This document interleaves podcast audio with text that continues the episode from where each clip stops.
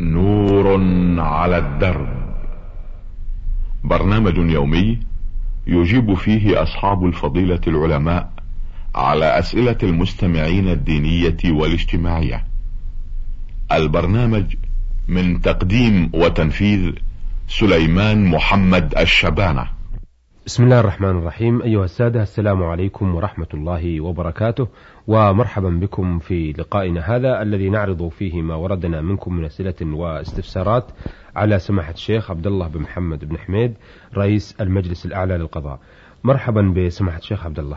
مرحبا بكم وبإخواننا المستمعين. أه سماحة الشيخ هذه الرسالة وردتنا من المستمع ألف باء ميم يقول فيها أنا أبلغ من العمر 32 سنة والحمد لله أقوم بواجب الصلوات الخمس في أوقاتها ولكن للأسف الشديد ألتمس أو ألتبس ببعض المحرمات والكبائر وحاولت أن أتخلص منها ولكن نفسي تتغلب علي في بعض الأحيان. فإني أخشى أن تكون صلاتي غير مقبولة أو غير صحيحة. أرجو إرشادكم لي وفقكم الله عني وعن المسلمين. يا أخ ألف باء ميم. تقول إنك بلغت من العمر ثنتين وثلاثين سنة وأنك تصلي الصلوات الخمس. وأنك تفعل بعض المحرمات وترتكب بعض الكبائر.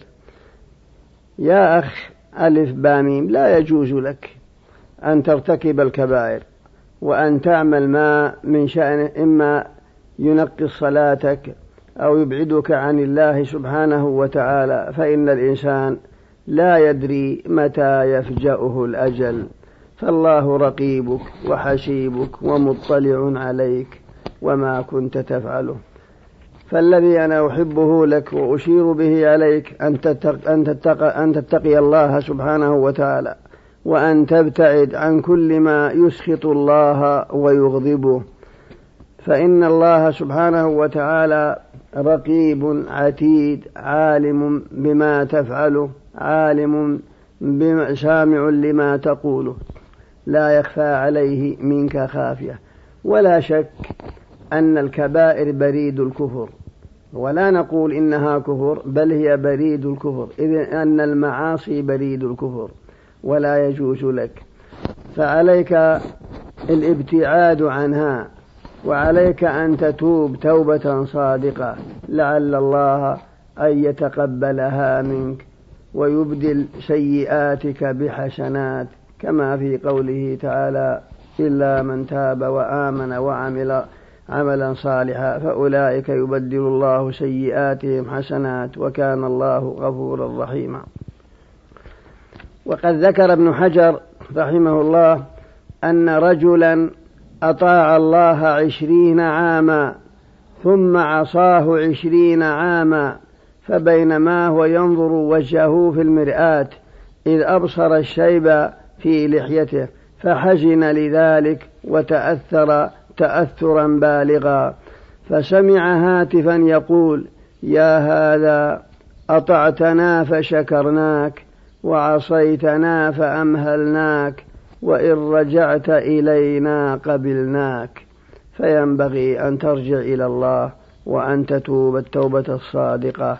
هذا الذي نحبه لك ونشير به عليك. والله الموفق الهادي إلى سواء السبيل. من آه، سلطنة عمان ومن صلالة وردتنا هذه الرسالة من المستمع خاء خاء ميم سين. يقول في رسالته هل يصح إذا توفت امرأة وفي بطنها ولد وقرر الأطباء بأنه حين إجراء عملية لإخراجه من بطنه؟ وإذا يصح ما حكم آه، تأثير الجراحة للميت؟ وفقكم الله. يا أخ خاء خاء ميم شين من سلطنة عمان. تقول المرأة الحبلاء إذا ماتت وقرر الأطباء أن جنينها حي ويمكن إخراجه حيا بعملية في الميتة. نقول لك يا أخ خاء خاء ميم شيم ميم لا أظن أن هذا صحيحا ولا يقرره الأطباء. فالذي ذكر أهل العلم أن المرأة إذا ماتت وفي بطنها جنين فالغالب أنه يموت معها لو بقي لا يبقى إلا لحظات قلائل فإنه يموت بموتها. هذا معنى ما قاله أهل العلم. لكن لو فرضنا أن الأمر صحيح وأنه يمكن إنقاذه حيا بشق بطنها فقد قرر الحنابلة أنه لا بأس. إذا تحقق أنه يمكن إخراجه حيا من بطن المرأة الميتة. قالوا يشق بطنها ويستخرج حيا ويخاط وتدفن. فلا مانع من هذا لو أمكن. هذا معنى ما قاله الحنابلة وغيرهم إلا أنهم قالوا بعيد كل البعد أنه يبقى حيا بعد وفاة أمه إلا لحظات قلائل. ثم قالوا لو أمكن استخراجه حيا بعد وفاتها وتحقق ذلك جاز شق بطنها وإخراجه حيا واستخراجه حيا والله أعلم. آه، أيضا يقول إذا دعت الحاجة لي أن أصلي بالناس متيمما هل يجوز لي ذلك أم لا؟ يا أخ خاء خاء سين ميم من شلطنة عمان تقول هل يصح إمامة المتيمم بالمتوضئين. لا بأس. إذا كنت تيممت لعذر و ولم تتمكن من استعمال الماء والمأمومون توضأوا بالماء وأنت استعملت التراب لعجزك عن استعمال الماء أو لمرض أو لقرحة أو ما أشبه ذلك فلا بأس. يجوز صلاة المتوضئين خلف المتيمم في أظهر قولي العلماء كما في الصحيحين من حديث عمرو بن العاص في غزوة ذات السلاسل فإن عمرو بن العاص رضي الله عنه بعثه النبي صلى الله عليه وسلم في سرية قال فاحتلمت وكانت ليلة باردة فخشى, فخشي لو اغتسل أن يموت فتيمم وصلى بأصحابه. فلما قدموا على النبي صلى الله عليه وسلم أخبروه فقال الرسول يا عمرو أصليت بأصحابك وأنت جنب؟ فقال يا رسول الله إني احتلمت في ليلة باردة شديدة البرد والماء بارد ولم أجد ما أسخنه به فتيممت لأني ذكرت قول الله تعالى ولا تقتلوا أنفسكم إن الله كان بكم رحيما فضحك النبي صلى الله عليه وسلم وأقره.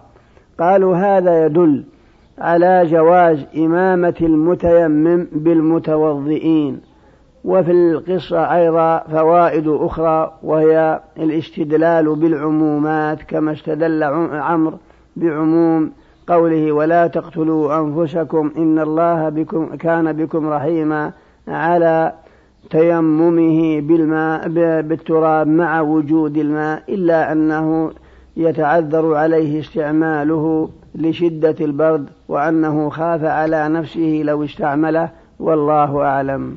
آه، أيضا يقول آه، إذا صح لي ذلك وهو الآن صحيح أرجو أن تبينوا لي ما, ما هي ما النية التي يجب أن أقولها إذا صح لي ذلك وفقكم الله.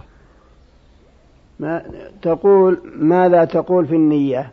النية محلها القلب وهو أنك تنوي رفع الحدث. في أظهر قولي العلماء والحنابلة يقولون تنوي استباحة الصلاة بالتيمم لأن التيمم عندهم لا يرفع الحدث. وإنما هو مبيح لا رافع. هذا هو رأي الحنابلة مستدلين بقول النبي صلى الله عليه وسلم لعمر أصليت بأصحابك وأنت جنب. ما علم الرسول أنه تيمم ومع هذا سماه جنبا. قالوا هذا يدل على أن التيمم مبيح لا رافع فينوي بتيممه استباحة الصلاة. والقول الآخر أنه يرفع الحدث وأن ترى التيمم كالماء سواء بسواء وهذا هو قول جمهور العلماء لقوله صلى الله عليه وسلم الصعيد وضوء المسلم وإن لم يجد الماء عشر سنين فإذا وجده فليتق الله وليمسه بشرته. ولحديث جعلت تربتها لنا طهورا. فقول جعلت تربتها لنا طهورا إذا لم نجد الماء دليل على أنه يرفع الحدث. وهذا هو قول أكثر أهل العلم.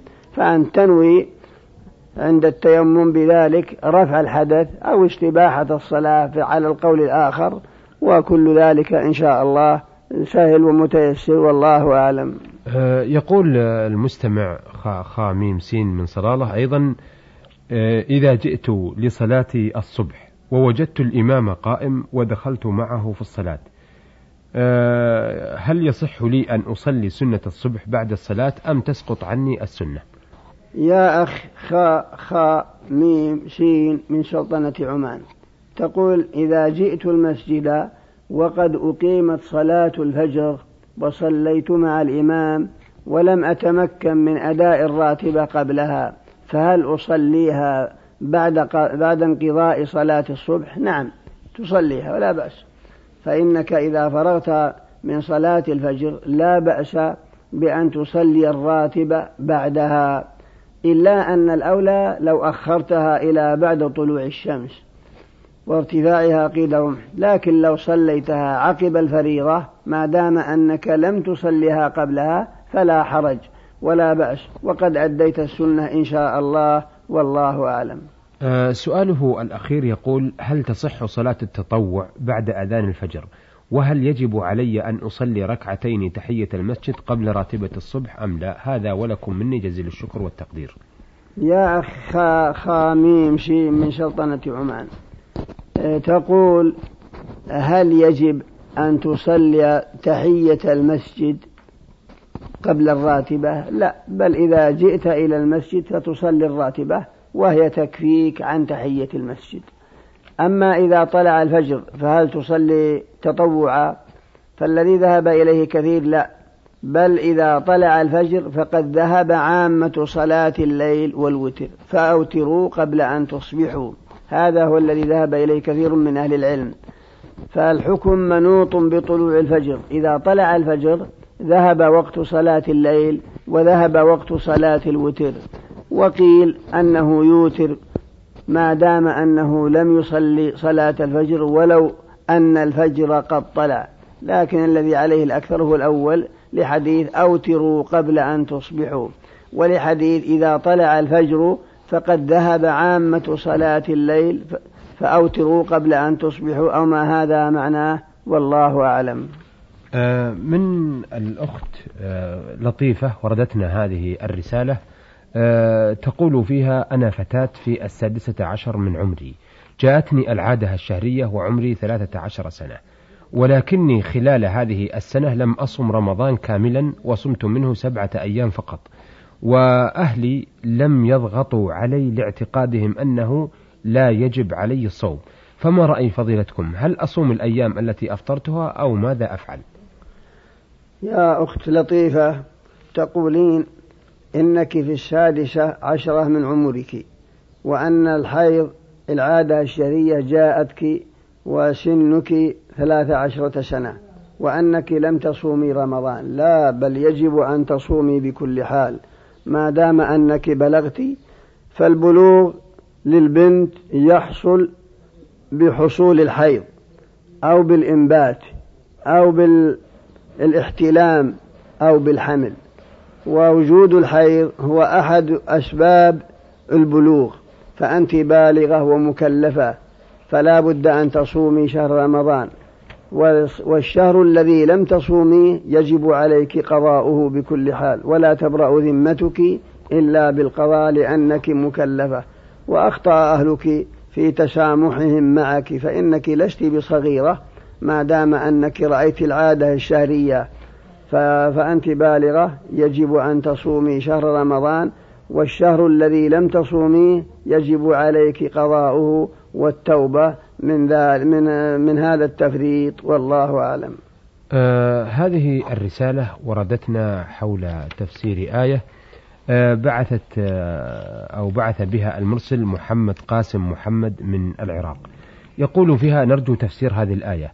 لا يؤاخذكم لا يؤاخذ الله الناس ولو يؤاخذ الله الناس بظلمهم ما ترك عليها من دابة ولكن يؤخرهم إلى أجل مسمى. الآية نرجو أن تبينوا لنا ما فيها. يا أخي محمد قاسم من العراق تطلب معنى هذه الآية. ولو يؤاخذ الله الناس بظلمهم ما ترك عليها من دابة ولكن يؤخرهم إلى أجل مسمى. معناها هو أن الله سبحانه وتعالى يمهل ولا يغفل. فالناس لو لو أن الرب واخذهم بذنوبهم لأهلكهم ولكنه يؤخرهم ويمهلهم لعلهم أن يرجعوا لعلهم أن يتوبوا لعلهم أن ينيبوا إلى ربهم. ويتذكروا قوله تعالى قل يا عبادي الذين أسرفوا على أنفسهم لا تقنطوا من رحمة الله. إن الله يغفر الذنوب جميعا. إنه هو الغفور الرحيم. وأنيبوا إلى ربكم وأسلموا له من قبل أن يأتيكم العذاب ثم لا تنصرون. فلو أن الله أخذ الناس بذنوبهم ما بقي على ظهر الأرض أحد. ولكن الرب جل وعلا يؤخرهم إلى أجل مسمى. فلعل التائب يتوب ولعل المذنب يستغفر. وإن استمر على فسقه ومعصيته فالله جل وعلا يعاقب من شاء منهم ويغفر لمن يشاء منهم. إن الله لا يغفر أن يشرك به ويغفر ما دون ذلك لمن يشاء والله أعلم. آه هذه الرسالة وردتنا من خميس مشيط من السائل محمد محمد هادي عسيري.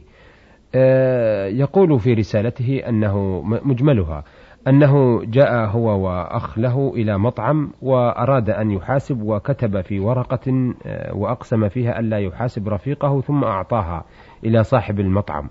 لكن صاحب المطعم أعطاه هذه الورقة أعطاها رفيقه أه وحاسب. فما حكم حلفه المكتوب في هذه الورقة؟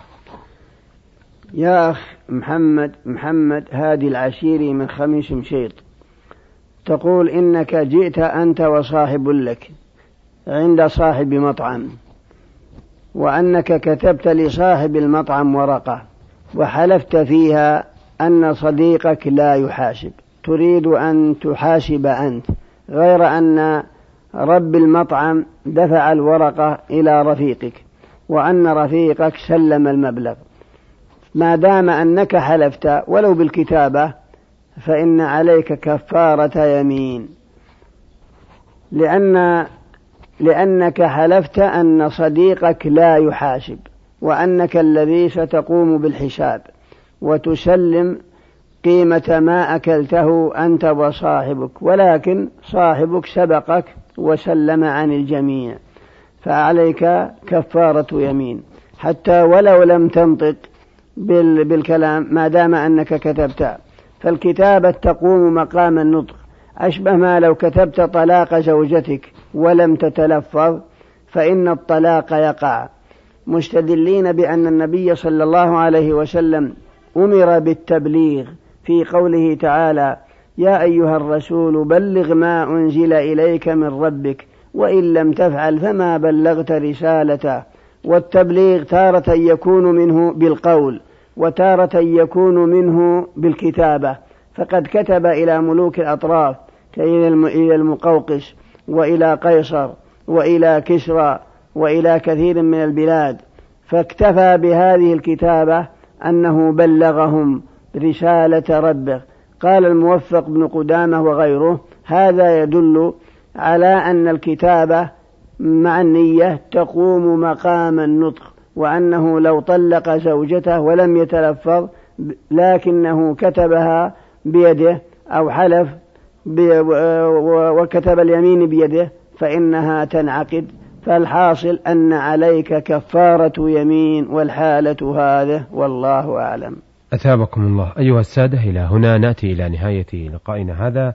الذي تمكنا فيه من عرض رسائل السادة ألف باء ميم ويسأل عن ارتكاب الكبائر مع كونه يصلي والمستمع خاء خاء ميم سين من سلطنة عمان بصلالة والأخت لطيفة وتسأل عن صيام رمضان بعد البلوغ والمرسل محمد قاسم من العراق محافظة ديالى وأخيرا رسالة محمد محمد هادي عسيري من خميس مشيط.